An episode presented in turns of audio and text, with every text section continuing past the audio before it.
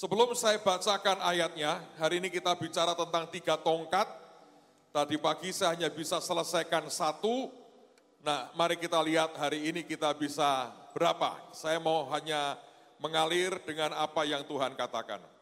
Seseorang cerita dengan saya sebuah penelitian yang dibuat. Coba Anda dengarkan baik-baik karena ini sebuah riset yang orang berkata ini ilmiah. Oke? Nah, ada seseorang yang membuat riset tentang yang namanya keyakinan dalam diri seseorang. Maka dia mengumpulkan sekian puluh orang dan yang dikumpulkan ini tidak pernah main golf. Saya mau tanya siapa yang pernah main golf? Ya semukul-mukul pokoknya pernah, coba angkat tangan. Oke, Siapa yang tidak pernah sama sekali? Angkat tangan. Ya wes, siapa yang pernah main kasti zaman kecil? Angkat tangan. Kita memang rodon deso. Tidak apa-apa saudara ya. Nah jadi dikumpulkanlah sekian puluh orang yang adalah orang-orang amatir yang tidak pernah mukul bola golf. Nah, lalu diambillah bola golf biasa, lalu orang ini berkata, saudara-saudara, saya mau buat uji coba Sebetulnya kalau Anda tidak pernah mukul bola golf, kalau Anda mukul itu ketepatannya seperti apa? Jaraknya nggak panjang lah ya, mungkin satu atau dua meter gitu dari lubang. Dia berkata, tolong dipukul. Lalu satu persatu, hanya diomongi begitu, mereka mukul. Oh saya nggak pernah, dia berkata, ya saya mau lihat kalau Anda tidak pernah mukul bola golf, bisa masukkan ke lubangnya tidak? Maka satu persatu mereka mulai pukul. Dan dihitung, yang masuk dihitung, yang nggak masuk dihitung. Tahukah saudara ketika hasil akhirnya tercapai, maka dapat dikatakan sekitar lebih dari 90 persen, eh, maaf, le, eh, kurang dari 20 persen yang bisa masuk. Kira-kira 80 persen sekian tidak bisa masuk. Lalu kemudian ditanya, kok nggak bisa ya? Kita kan baru sekali ini lakukan, nggak bisa kita. Kita belum latihan, kita harus latihan dulu, baru kita bisa tepat. Oh oke okay, katanya. Baik, dia berkata jadi nggak sampai 20 persen yang berhasil memasukkan bola golf itu. Lalu orang ini penelitinya ngambil bola itu, dia masuk ke satu ruangan. Sebetulnya dia tidak mengubah bolanya, hanya ditambahi dengan tataan dari bludru dan ditaruh di atasnya. Terus dia keluar. Dia berkata, nah saya membawa bola baru ini. Padahal itu bola yang sama. Ditaruh di tempat yang bagus, ada bludrunya, ada bolanya. Dan dia berkata begini, ini bola adalah bola hasil riset selama bertahun-tahun dari bahan-bahan yang sangat luar biasa untuk membantu mereka yang masih amatir. Kalau mereka pukul bola ini, bola ini cenderung akan mencari sendiri lubang untuk dia masuk. Jadi kalau Anda pukul bola ini, bola ini akan menolong saudara untuk bisa giring masuk sampai ke lubangnya. Nah saya ingin tahu, siapa di antara saudara yang bisa memasukkan akan bola ini. Ingat ya, ini bola di riset bertahun-tahun. Padahal itu bola yang sama. Taruh di tempatnya, silahkan mulai dipukul. Giliran saudara, satu persatu. Di awal tadi, yang bisa masukkan nggak sampai 20 persen. Setelah diomongi seperti itu, kemudian dia pukul, yang masuk lebih dari 90 persen. Ini apa coba saudara? Coba renungkan, ini sebetulnya apa? Orang-orang marketing, dengerin saya baik-baik. Anda jadi orang pinter nih. Sebetulnya ini apa? Saudara, saya lagi merenung sebetulnya. Anda tanya, itu apa Pak? Saya lagi merenung. Beberapa saya kira-kira meraba itu apa. Tapi minimal saya berkata begini, Mengapa ketika diyakinkan bahwa bola ini spesial, tiba-tiba mereka bisa mukul dan bolanya masuk lubang? Berarti kalau dalam diri manusia itu ada sebuah keyakinan yang positif, itu bisa mempengaruhi akan hasil. Benar nggak? Yang pertama dikatakan Anda orang amatir, ini bola biasa, saya cuma pengen tahu Anda bisa mukul, masuk nggak? Tapi yang kedua diyakinkan, ini bola hebat. Dan dalam kehebatannya dia akan cari lubangnya. Dan tiba-tiba sekian puluh orang itu bisa merasa confident, yakin. Oh kalau dengan bola gini aku pasti bisa. Kan munculnya begitu kan. Tapi ini bukan keyakinan kosong. Ini kita belum tanda petik saudara ya, ngomong soal Tuhan loh. Ini sebuah riset yang tidak diawali dengan doa dan tidak ditutup dengan doa makan. Tidak saudara. Riset murni pengetahuan. Saya kalau merenung ini saya berkata begini Tuhan. Di dalam diri manusia sendiri itu ada potensi kekuatan yang begitu dahsyat dan luar biasa. Kalau itu sampai keluar, itu menghasilkan sesuatu yang tidak lazim, yang jauh di atas rata-rata. Bedanya besar. Yang pertama tanpa keyakinan nggak sampai 20 persen. Yang kedua dengan keyakinan di atas 90 persen. Dan buat saya, saya berkata, Wah, ini sebuah fenomena yang luar biasa. Coba Anda renungkan akan cerita itu. Apa ini sebetulnya? Menurut saya, kalau hidup orang percaya, makanya saya berkata begini. Tuhan kan berkata, tanpa iman, tidak mungkin orang itu berkenan kepada Allah. Ini ya, saya cerita sedikit anatomi imannya, saudara. Anatomi dan analogi imannya. Alkitab berkata tubuh kita bait daripada roh kudus. Oke, ini kan rumahnya roh kudus. Di mana roh kudus? Di dalam kita. Semua kuasa yang ajaib dan heran, mujizat Tuhan di dalam kita. Dan dia berkata, tanpa iman, Alkitab mengatakan, tidak mungkin orang berkenan kepada Allah. Maka sebetulnya ini kuncinya kalau saudara percaya saja. Bukan percaya dengan kekuatan manusiamu ya. Percaya dengan Tuhan yang di dalam kita. Sebetulnya ada begitu banyak terobosan besar akan terjadi dalam kehidupan kita ini. Nah sekarang mari kita lihat sebagai dasar ayatnya. Matius 21 Lihat mulai ayat yang ke-18. Matius 21, lihat mulai ayat yang ke-18. Pada pagi-pagi hari dalam perjalanannya kembali ke kota, Yesus merasa lapar. Dekat jalan ia melihat pohon ara, lalu pergi ke situ. Tetapi ia tidak mendapat apa-apa pada pohon itu selain daun-daun saja. Katanya kepada pohon itu, katanya kepada pohon itu. Aneh ini pohon diajak ngomong. Engkau tidak akan berbuah lagi selama-lamanya. Dan seketika itu juga keringlah pohon ara itu. Seketika loh. Melihat kejadian itu tercenganglah murid-muridnya lalu berkata, bagaimana mungkin pohon ara itu sekonyong-konyong menjadi kering? Yesus menjawab mereka, Aku berkata kepadamu, sesungguhnya jika kamu percaya dan tidak bimbang. Saya ulang lagi, sesungguhnya jika kamu percaya dan tidak bimbang, kamu bukan saja akan dapat berbuat apa yang ku perbuat. Yang berbuat siapa? Kita. Kamu bukan saja akan dapat berbuat apa yang ku perbuat, dengan pohon ara itu. Tetapi juga jikalau kamu berkata kepada gunung ini, kamu yang berkata, kita yang berkata, beranjaklah dan tercampaklah ke dalam laut. Hal itu akan terjadi. Dan apa saja yang kamu minta dalam doa dengan penuh kepercayaan kamu akan menerimanya. Saya mau cerita lagi, saudara. Dua cerita lagi.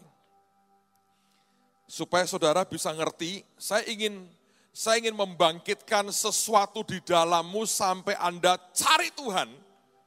Berkata ini ada rahasia besar yang bisa merubah akan hidupku. Karena begini saudara ya, banyak orang ingin berubah. Yang dia buat apa? Dia masuk kamar, terus dia berdoa, ubah aku Tuhan, ubah aku Tuhan, ubah aku Tuhan, ubah aku Tuhan, ubah aku Tuhan, ubah aku Tuhan, ubah aku Tuhan, ubah aku Tuhan. Bisa berubah? Bisa sih. Saya percaya bisa. Tetapi most of the time, dia berkata begini, aku sudah mengubahmu. Aku sudah mengubahmu. Mana? Waktu seminar kan saya bilang, Bapak berkata kepada sulung, all I have is yours. Mana? Semua yang aku punya, kamu punya, mana? Menurut saya ada terlalu banyak cara berpikir dan pengertian kita ini yang keliru. Yang membuat kita sebetulnya tidak bisa nikmati, padahal sudah waktunya Anda menikmati. Saya mau cerita dua cerita lagi. Saya waktu ke Melbourne, ada seorang ibu dari Surabaya ikut saya pelayanan. Ibu ini cerita pengalamannya. Beliau pernah tinggal di Australia lama, dan satu hari dia mendampingi anak perempuannya naik mobil untuk pertama kalinya. Baru dapat SIM, beli mobil. Nah, untuk pertama kali ah, belum terlalu canggih.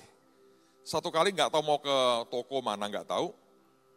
Anak ini mencoba parkir mobilnya sejajar dengan bau jalan begini. Tapi di depan ada mobil, di belakang ada mobil. Jadi ini mobilnya kecepet di tengah-tengah. Nah, kalau Anda tidak terlalu canggih nyopirnya, Anda masukkan mobil ke parkiran begitu tuh susah. Nah ini anaknya baru coba belajar, parkir nggak sempurna. Pantat mobilnya nongol sedikit saudara. Ibunya bilang, ini nggak bisa loh. Dia bilang, ma aku sudah nggak bisa lagi. Gimana caranya sudah bolak-balik, bolak-balik nggak bisa. Ujungnya pantat mobilnya nongol. Ibunya berkata, kalau nanti ketahuan polisi kamu dapat tiket. Bukan dapat tiket nonton, tiket denda. Nah kalau terlalu banyak tiketnya dicabut SIM-nya. Ini ibu cinta anaknya. Tidak ingin melihat anaknya bermasalah. Dan saya tanya waktu itu ibu berat badan berapa? Sekarang ya nggak terlalu, bukan gemuk sih. Saya tanya, dulu berat badan berapa? 56. Saya mau tanya siapa yang berat badannya di atas 56. Saya cukup angkat-angkat tangan, angkat tangan tinggi-tinggi. Anda dan saya orang-orang makmur dan diberkati luar biasa. Yang 56 Pak baik-baik saja. Beratnya 56, dia keluar dari mobil, apa yang dia buat? Wes gini aja katanya, kayak Surabaya. Diangkat saudara. Mobil sedan, diangkat pakai tangannya ini. Pindah. Terus bingung mah, kok bisa mau pindah? Iya ya, kok pindah ya? Diangkat. Suruh ngulang lagi, tidak bisa. Itu apa coba? Saya percaya kalau di dalam kita ini keluar sesuatu ya. Yang namanya keyakinan. Kalau tadi menurut saya itu cinta. Yang namanya passion. Kalau itu keluar ya. Ada sesuatu yang beyond human kata orang itu. Yang keluar dari hidup kita. Ini Tuhan berkata loh. Kalau kamu percaya, dan tidak bimbang. Itu akan terjadi.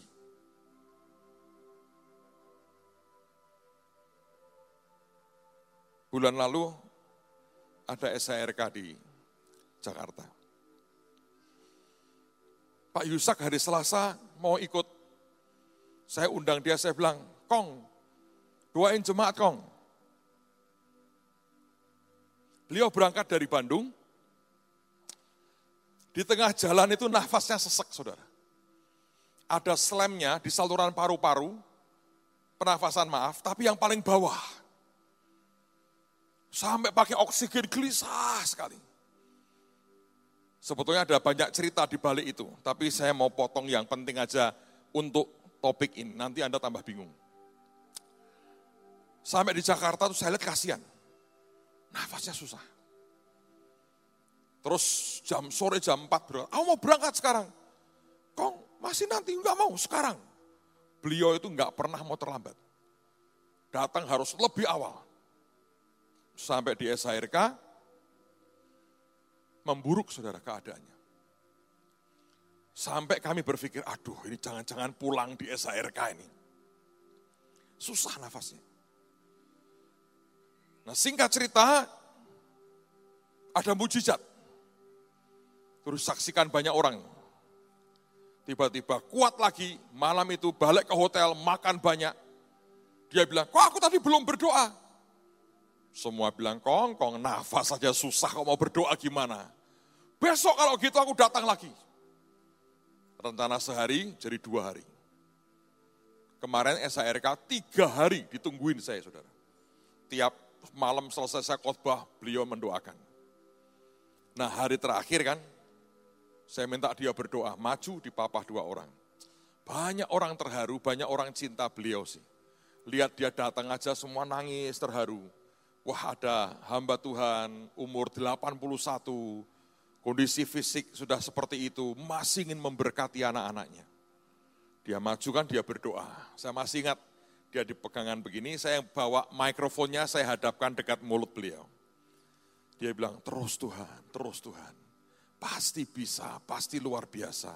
Terus Tuhan, terus. Semua lagi angkat tangan di jamaah Tuhan. Nah, saya lupa satu hal. Kalau sudah ngomong panjang, Terus dia harus, beliau harus ngatur nafas. Ya kan? Mikrofonnya tidak saya tarik. Orang lagi angkat tangan. Nikmati, diberkati, di blessing, didoakan. Engkong ini sebetulnya lagi ngatur nafas. Tiba-tiba, wah, jeblat, jeblat, jeblat, jeblat. Saya bilang, ono benihin dari mana? Sebetulnya orang sengojo, saudara jadi mic-nya begini, dia ngatur nafas. Itu orang tingjelir, nangis, teriak, kubur, aku, kubur, aku. Saya bilang, wih luar biasa. Ya geli, ya toh. Saya yang megang mic mau tak tarik, powerful. Nyatanya orang geblak di jamaah Tuhan. Banyak orang nangis sampai kejer istilahnya. Dan bersaksi di lawat roh kudus. Lah saya ini semua saya belajar ya, saya tanya Tuhan. Ini rak sengaja ya. Wong dia cuma ngatur nafas. Tahu Tuhan ngomong gini, tulang Elisa aja juga nggak sengaja kena mayat orang, mayatnya bangkit toh. Oh ya sudah, saya berkata, sip ini pokoknya. Sebetulnya kenapa mereka dijamah? Hati mereka ini percaya Tuhan sedang memberkati mereka mereka full konsentrasi ke Tuhan, sedang saya double konsentrasi. Saya mesti pegang mic, saya tahu detik per detik ini orang ambegan sebetulnya. Geblak. Coba saudara. Apakah itu sebuah jamahan palsu? Tidak. Gak mungkin lah orang sengaja tiba-tiba jatuh dari kursinya dan teriak-teriak beberapa di jamah Tuhan begitu. Enggak mungkin lah. Saya cukup mengerti orang aneh sekalipun yang jatuh di belakang-belakang kok, bukan depan kok. Keyakinan kesimpulan saya begini, kalau ada sesuatu yang Anda bisa fahami, yang bisa membuat keyakinanmu keluar, imanmu keluar, itu akan mengubah segala-galanya. Nah makanya ini dimensi yang berbeda sebetulnya dengan dimensi manusia kita.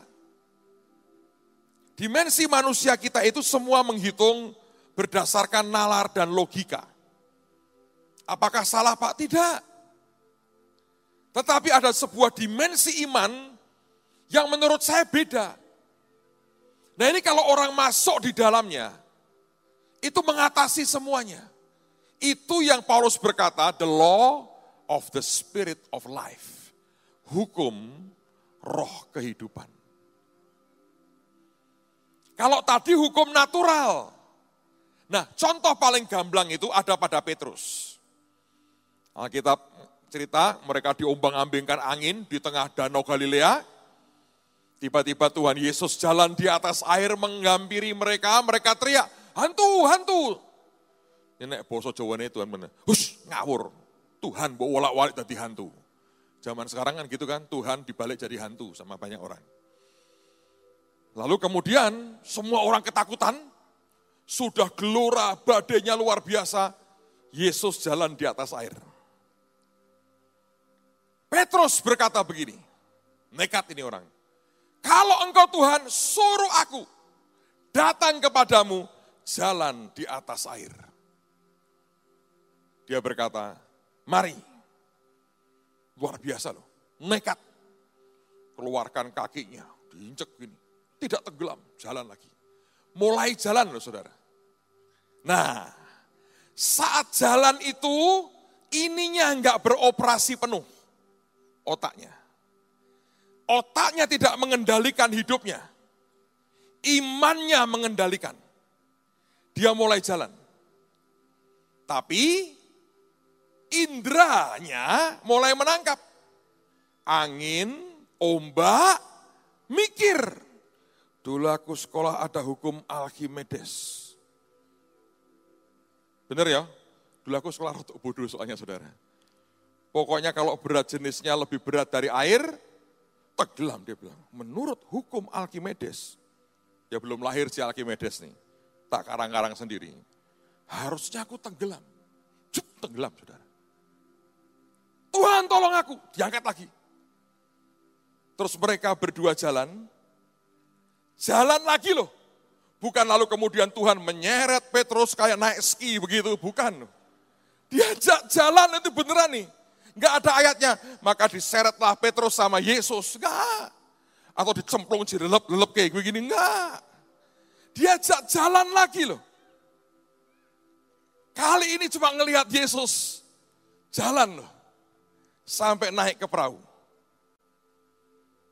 Jadi dalam hidup kita sekejap itu bisa pindah. Ada alam iman, atau alam apa pun lah orang berkata, ada alam natural. Ini begitu pindah saja, efeknya beda. Betapa pentingnya kita itu latihan terus hidup di alam iman itu loh saudara. Supaya tidak tenggelam terus. Nangkep ya? Saya berharap Anda ngerti ini. Sebab saya berdoa sungguh-sungguh tahun ini ada terjadi perubahan besar-besaran.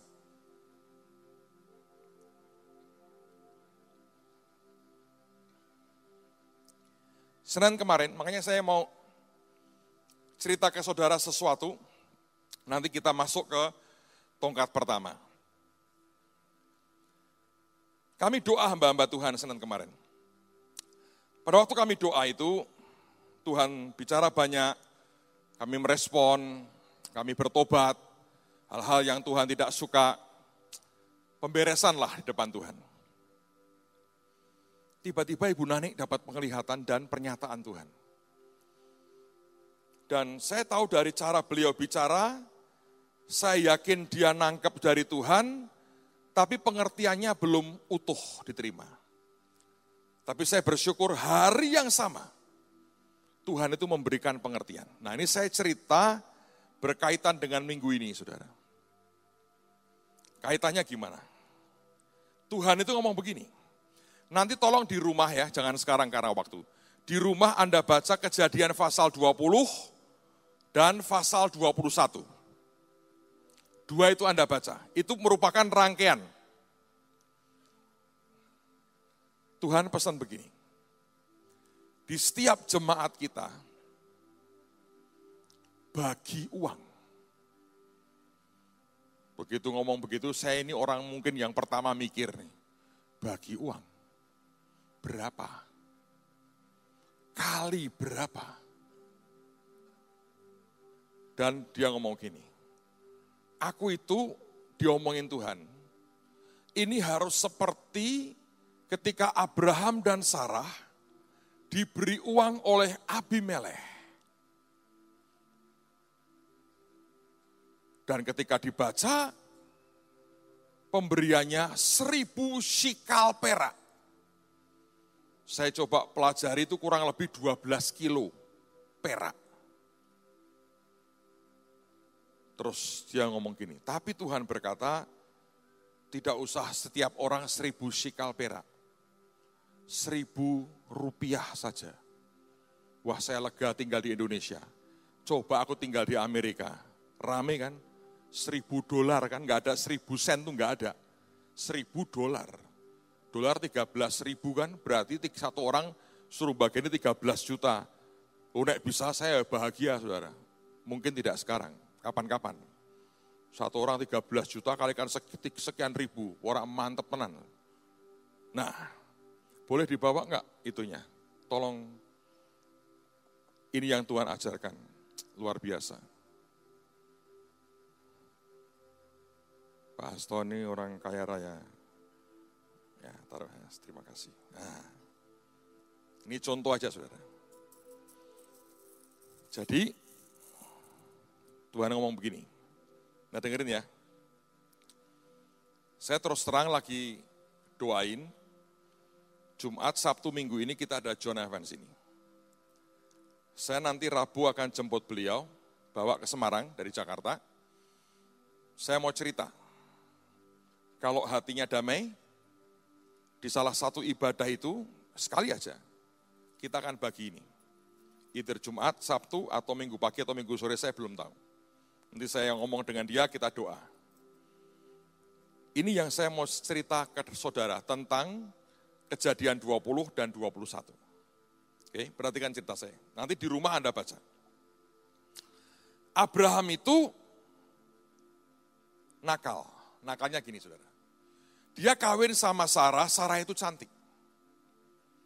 Ketika dipanggil Tuhan keluar dari Ur Kasdim, dia ngomong sama istrinya begini, nanti di jalan kalau ada orang tanya kita ini siapa, bilang kita ini saudara ya.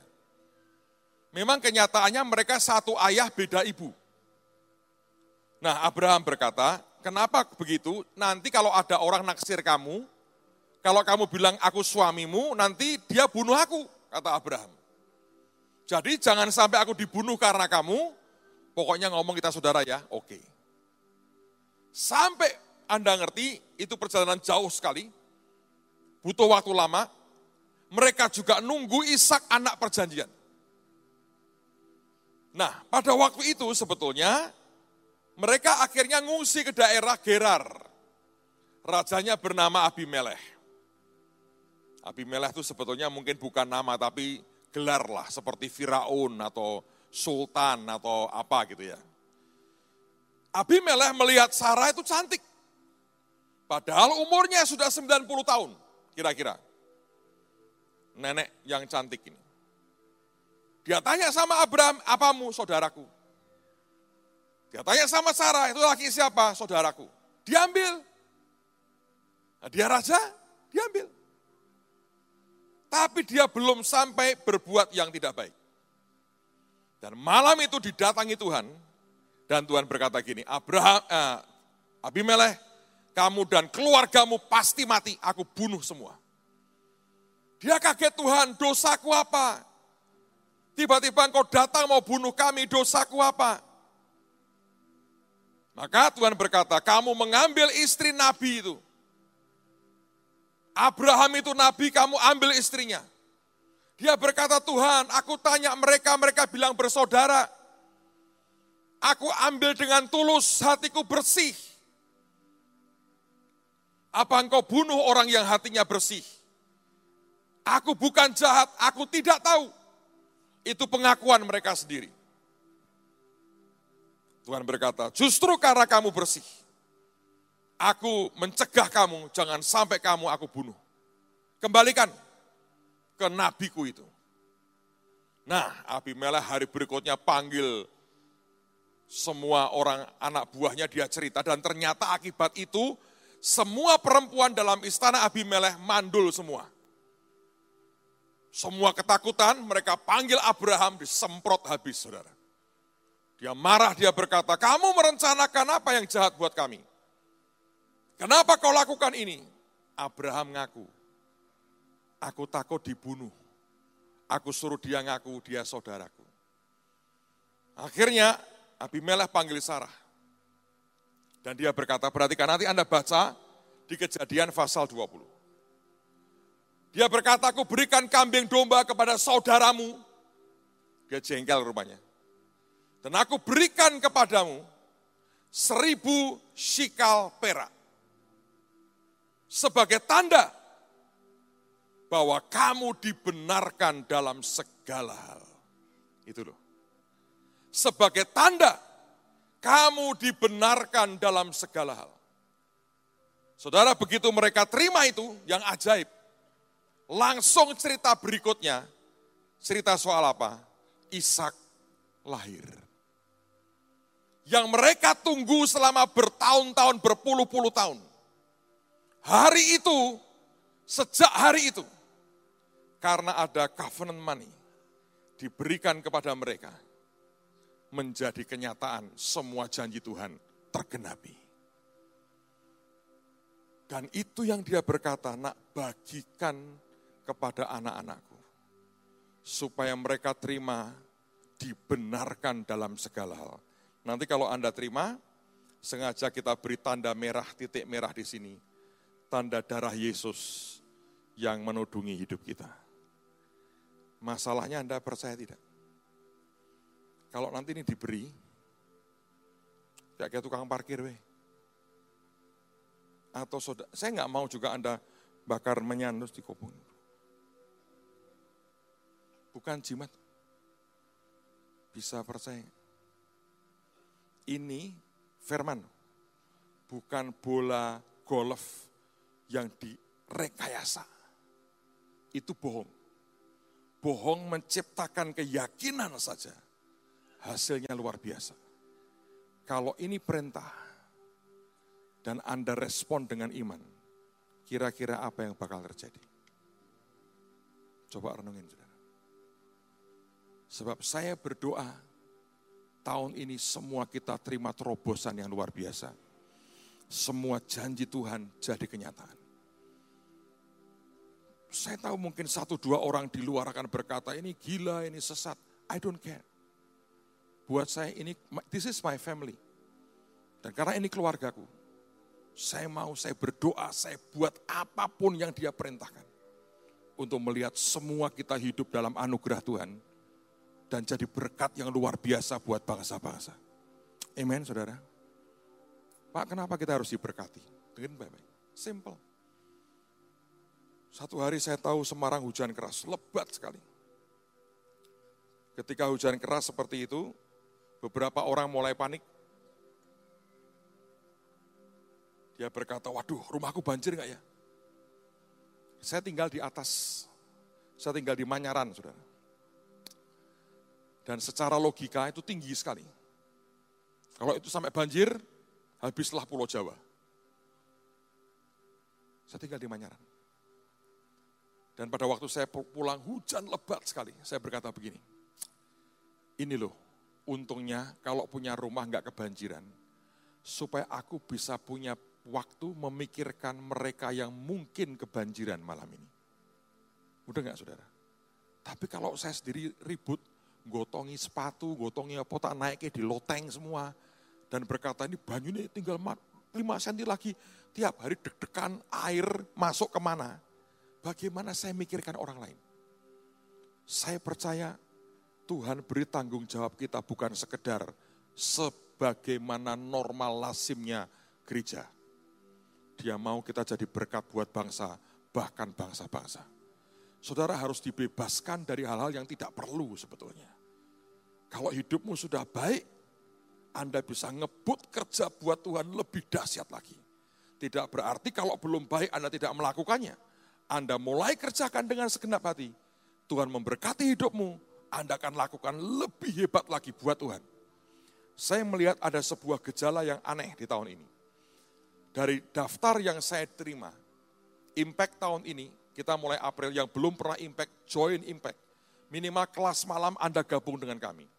efeknya besar, pengertian yang terbuka itu luar biasa. Tapi tahun ini yang saya dapat, kalau tidak salah ya saudara, sudah 12 negara yang mendaftar. Dari Afrika ada dari Liberia, dari Malawi, dari Kenya, dari Ghana, mungkin dari Nigeria, uh, Burundi, kemudian dari India, Bangladesh, Pakistan, Vietnam, Kamboja, Palau kirim orang, Malaysia kirim orang, uh, Cina, Cina itu satu kota nanti, satu kota, satu gereja, kirim 20 orang. Saudara yang bisa menerjemahkan ke dalam bahasa Mandarin, kami butuh bantuan saudara. Karena jumlah student Cina satu gereja aja itu sudah 20 orang. Ini kan belum selesai ya, pendaftaran kan sampai nanti akhir Maret kira-kira. Saya nggak tahu lagi berapa negara lagi akan bergabung. Maka saudara bisa melihat tiba-tiba kita jadi kiblat. Minimal sebagian dari dunia mulai melihat ada sesuatu yang mereka mau belajar di sini. Artinya ini tanggung jawab besar sekali. Kenapa saya punya kepentingan melihat hidupmu baik, diberkati Tuhan, dan berkelimpahan, karena tugas kita besar. Logis kan? Tetangga ribut pak, ya sudah nggak apa-apa. Urusan Pak RT itu. Pak banyak orang ngiri sama kita, kita nganan. Benar nggak saudara? Nah itu ngiri terus Pak, kita kanan sudah. Gak usah ribut. Itu ngomongnya gini gitu, ya kita ini itu sudah. Jangan ikut gini gitu, ini itu. Sudahlah. So what? Amen saudara? Banyak kali kita ini terlalu tipis kuping kita. Kemarin kita lagi ngobrol karena kita nih besok Senin cukup banyak tim akan berangkat ke NTT. Sebagian akan ke Flores, sebagian akan ke Kupang. Menyiapkan KKR, jatah kita untuk GA, Flores dan Kota Kupang. Kita berharap minimal 100 ribu akan dijangkau di dua daerah itu. Amen. Ini kerjaan cukup besar. Lalu kemudian kita kemarin bicara, katanya ini saya nggak tahu. Ada teman itu kerjanya luar biasa sekali di Kupang, sampai dikagumi oleh banyak anak-anak muda. Satu hari anak-anak muda itu lihat si kakak ini lagi kerja segala macam, mereka berkata, wah ini orang hebat. Lalu berkata, kakak, kakak bajingan katanya. Wah dia marah. Loh, saya iya kakak, kakak bajingan. Bajingan kok begini? Ternyata bajingan itu nah orang Kupang bilang itu hebat.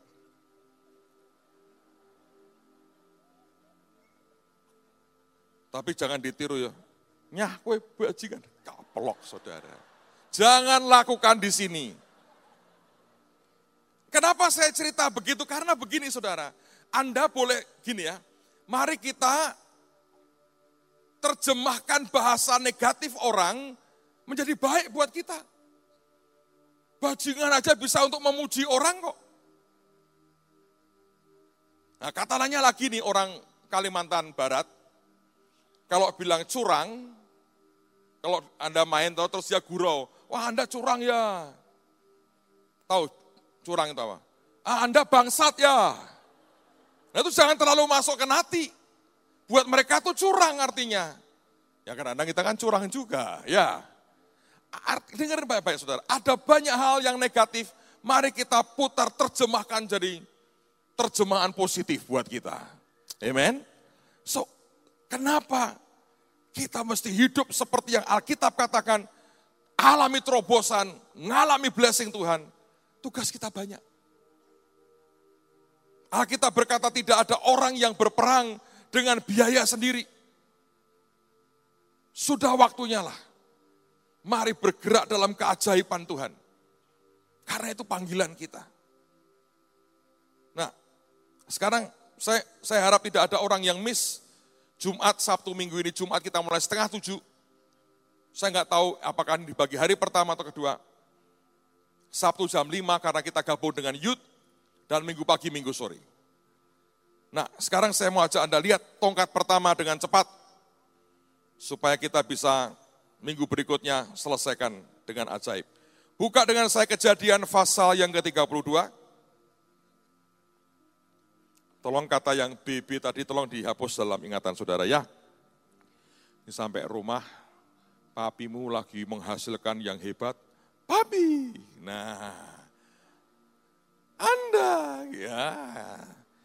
Langsung papimu telepon saya, Pak Pendeta, anak saya tak hajar pakai bakiak hari ini. Oke, kejadian fas itu kalau Anda tiru ngomong di sini resikomu sendiri loh ya, Saudara. Kejadian pasal 32 ayat 9 dan ayat yang ke-10. Kejadian 32 ayat 9 dan ayat yang ke-10. Kemudian berkatalah Yakub, "Ya Allah nenekku Abraham dan Allah ayahku Ishak, ya Tuhan yang telah berfirman kepadaku, pulanglah ke negerimu serta kepada sanak saudaramu, dan aku akan berbuat baik kepadamu." Dia mengatakan, sekali-kali aku tidak layak untuk menerima segala kasih dan kesetiaan yang engkau tunjukkan kepada hambamu ini.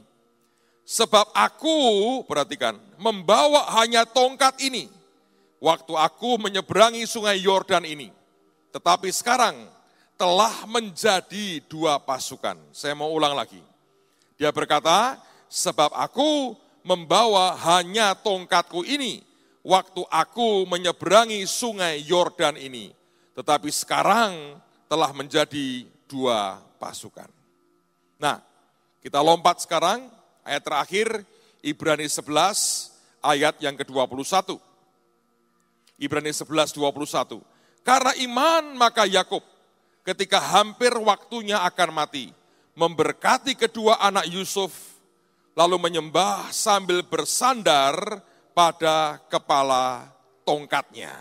Lagi-lagi ini muncul lagi tongkat yang dimiliki oleh Yakub. Saudara sekalian, Bill Wilson pernah menjelaskan dengan bagus, saya cuma mau ngulang penjelasannya, saya berdoa jadi berkat buat Anda. Nanti bulan apa ya, September atau Agustus, Bill akan di tengah-tengah kita. By the way, kita terus berdoa, Pastor Kong sampai hari ini, puji Tuhan, masih bisa bebas, bulan depan akan mengunjungi kita, kebaktian Sabtu Minggu di tengah-tengah kita. Saya berdoa ada mujizat Tuhan lah ya buat hidupnya. Terus doain saudara, urusan dengan pemerintah tidak mudah. Well anyway, satu hari Bill Wilson datang ke seorang temannya, seorang pendeta, dia melihat di sisi dari kantornya itu ada tongkat dengan banyak ukiran. Bill itu adalah doktor perjanjian lama. Dia tanya dengan temannya ini, ehm, kamu itu tongkat apa? Loh kamu tidak tahu soal tongkat ini? Enggak. Temannya cerita, pengalaman menarik sekali. Dia berkata begini, ternyata di zaman waktu perjanjian lama di Alkitab, setiap anak yang akan mendapatkan hak kesulungan, orang tuanya itu menyiapkan sebuah tongkat buat hidupnya. Diambil dari pohon yang paling kuat, dan selama berhari-hari, berminggu-minggu, tongkat itu direndam dalam sebuah ramuan. Direndam. Tujuannya untuk apa? Supaya tongkat itu jadi kuat sekali. Nah, nanti pada waktu dia terima hak kesulungan, anaknya ditumpangi tangan dan diberkati, di saat itulah dia berikan tongkat itu kepada anak tersebut.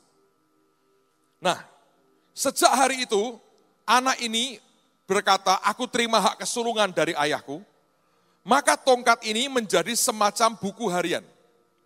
Kalau si anak itu punya pengalaman dengan Tuhan tertentu, dia akan menaruh ukiran tanda yang dia dan hanya dia dan Tuhan yang tahu, dan dimulai dari paling bawah, bukan dari atas, bukan dari kepala tongkat, dari bawah.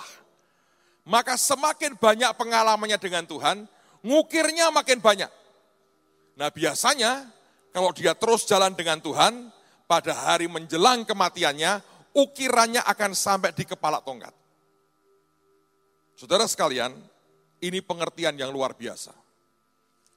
Salah satu yang Tuhan berikan kepada kita adalah namanya hak kesulungan. Sebab Yesus adalah yang sulung dan kita terhisap di dalamnya. Dia kepala dan kita tubuhnya. Berarti Anda dan saya sebetulnya juga punya tongkat yang dimiliki oleh Yakub. Ini tongkat kesulungan. Dan tongkat ini sebetulnya adalah tongkat perjalanan kita dengan Tuhan. Nah, bukan hanya itu. Ini tongkat terbukti adalah tongkat menghasilkan yang namanya multiplikasi. Yakob berkata, aku menyeberangi sungai ini hanya dengan membawa tongkat ini. Lihat Tuhan, sekarang telah berubah menjadi dua pasukan. Saya percaya hari-hari ini akan terjadi multiplikasi Tuhan yang luar biasa, saudara. Dan sering kali itu diawali di kenyataan ya, keadaan apa pun situasi yang kurang baik. Saya mau cerita satu pengalaman ini. Menutup rangkaian firman hari ini, dan kemudian kita siapkan diri untuk terima tubuh dan darah Kristus. Saya nggak tahu saya tergerak cerita dengan saudara. Dengan segala hormat kepada yang bersangkutan, kalau orang tahu biar orang tahu, tapi saya nggak mau sebut nama. Pada waktu kita beli tanah ini, saudara. Pertama kita beli itu 2,8 hektar. Ya sekota inilah kira-kira, sampai ke ujung sana. Dan kita harus bayar waktu itu 8,2 miliar. Pemiliknya baik sekali. Kita diberi waktu bayar dua setengah tahun tanpa bunga. Kita punya uang beberapa ratus juta waktu itu. Kita masukkan semua sebagai DP. Sisanya kita boleh angsur dua setengah tahun. Saya berkata gini Tuhan, kalau untuk uang 8,2 miliar, aku mesti ngangsur selama dua setengah tahun. Nanti bangun ini tuh berapa puluh, berapa ratus. Akan butuh waktu berapa belas tahun, berapa puluh tahun kapan dipakainya? Sedangkan permata sudah nggak muat. Mau bagaimana? Di saat seperti itu, saya bilang, Tuhan, aku tidak punya lagi uang. Roh Kudus berkata, nak, ada yang bisa mempercepat ini. Gimana Tuhan caranya? Tabur. Nabur apa lagi Tuhan? Kas sudah habis. Dia bilang, masih ada satu yang kau punya. Nah, kira-kira tiga bulan sebelumnya itu, ada seorang anak Tuhan memberkati kita dengan ruko kecil. Ruko itu cuma paling-paling hmm, nggak hmm, sampai tiga kali tiga kok saudara. Kecil, tapi tiga lantai di Jakarta. Dan sebetulnya ruko itu kalau dijual nih, harganya mentok 125 juta. Mentok. Di hari-hari itu ada seorang hamba Tuhan, beliau berkata, aku mau bangun sebuah tower buat Tuhan di Jakarta. Ketika beliau mulai bangun tower itu, hidupnya saya lihat goncangannya luar biasa. Orang-orang terdekatnya seperti nyebar semua. Pertentangannya keras sekali. Saya enggak terlalu mau detail lah. Tapi ya saya mau cerita, beliau menghadapi sebuah masa season yang berat sekali. Nah, tiba-tiba nggak lama kemudian dia telepon saya. Tolong khotbah ya di tempatku. Saya kumpulkan beberapa teman, saya berkata begini. Ini kalau kita jual, kalau laku mentok 125 juta. Kita butuh 8,2 miliar masukkan lagi ke situ, nggak guna ini. Lalu saya berkata, aku kok mendapat dorongan, tabur aja. Lalu kemudian mereka berkata, ya sudahlah taburlah. Karena kita nggak mungkin ngangsur pakai ini, karena ini kalau ngejualnya gimana? Laku pun mentok 125. Sedangkan yang kita harus bayar banyak sekali. Saudara pada waktu kita memutuskan itu, besoknya saya akan terbang ke Jakarta, ada orang tiba-tiba disuruh Tuhan memberi sertifikat dua tanah di Semarang. Dia berkata, Tuhan suruh saya gerakkan saya untuk memberkati bangun gereja di sini. Berikan dua sertifikat. Saya terbang sampai Jakarta, saudara. Begitu masuk hotel ditunggu satu ibu. Dia bilang, Pak, saya dua minggu ini dikejar Tuhan terus. Dia keluarkan dari tasnya sertifikat tanah di Jakarta. Ini buat Bapak bangun gereja. Nilainya 1 M, saudara. Yang saya bawa mau saya tabur ini 125 juta. Nih ya, situasinya seperti itu. kita lagi berat, hamba Tuhan itu yang saya mau taburi lagi berat, saudara. Saya datang di kebaktian itu, cukup banyak yang ibadah yang datang, termasuk anak-anak buahnya, para pendeta. Di tengah-tengah khotbah itulah saya cerita. Saya bilang, Pak, saya mau nabur. Saya keluarkan sertifikat. Tapi saya mau berkata ini luar biasa. Bahkan sebelum saya berikan ke Bapak, saya sudah tuai tiga sertifikat. Wah semua orang kaget. Waktu mau saya serahkan, beliau ngomong, tunggu dulu, nanti aja, nanti, nanti. Kamu selesaikan khotbahmu dulu. Saya nggak tahu yang di hatinya, saudara. Saya khotbah.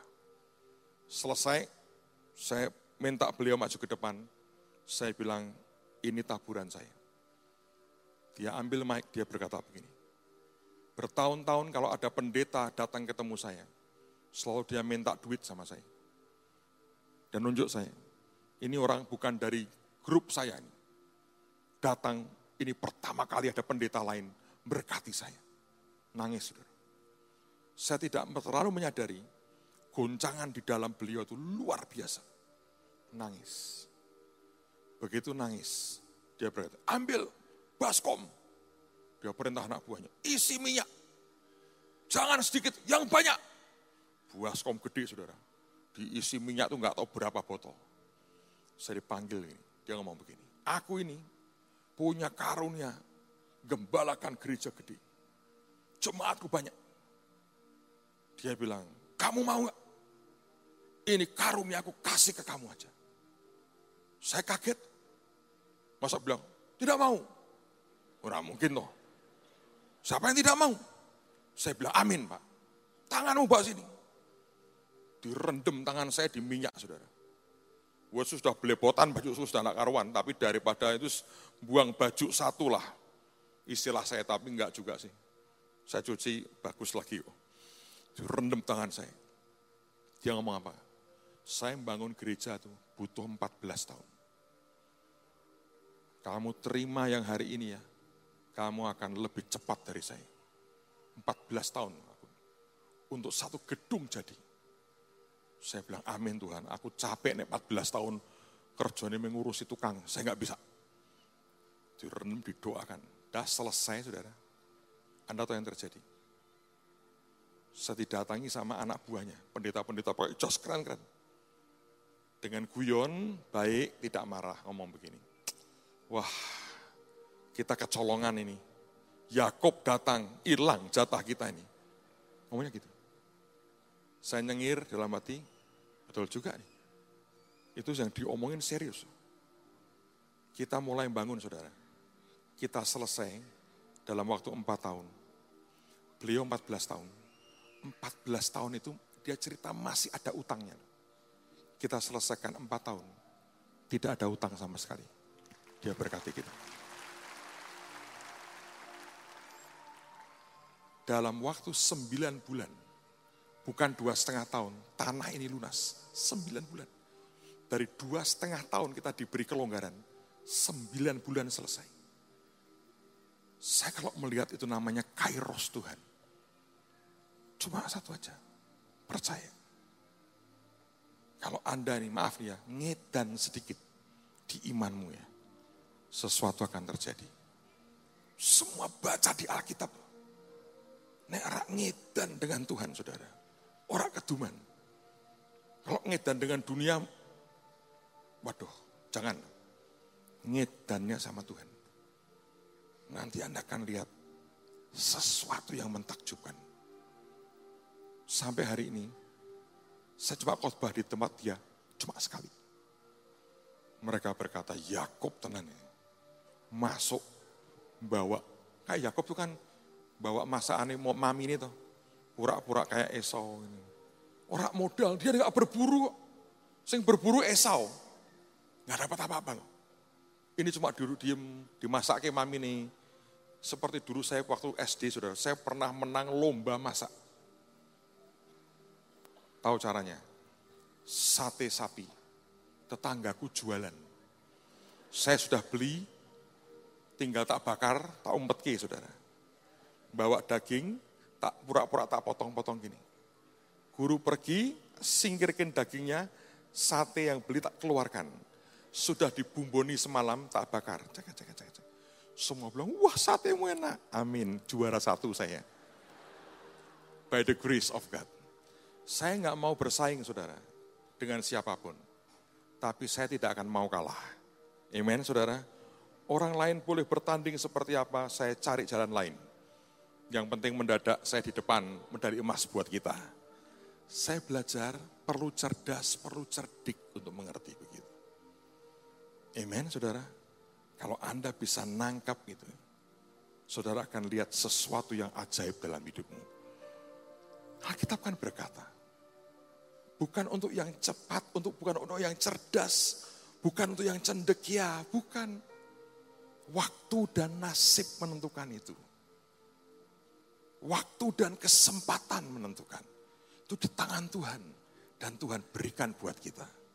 Anda bisa tangkap itu. Kairos Tuhan turun dalam hidupmu. Yang percaya katakan amin.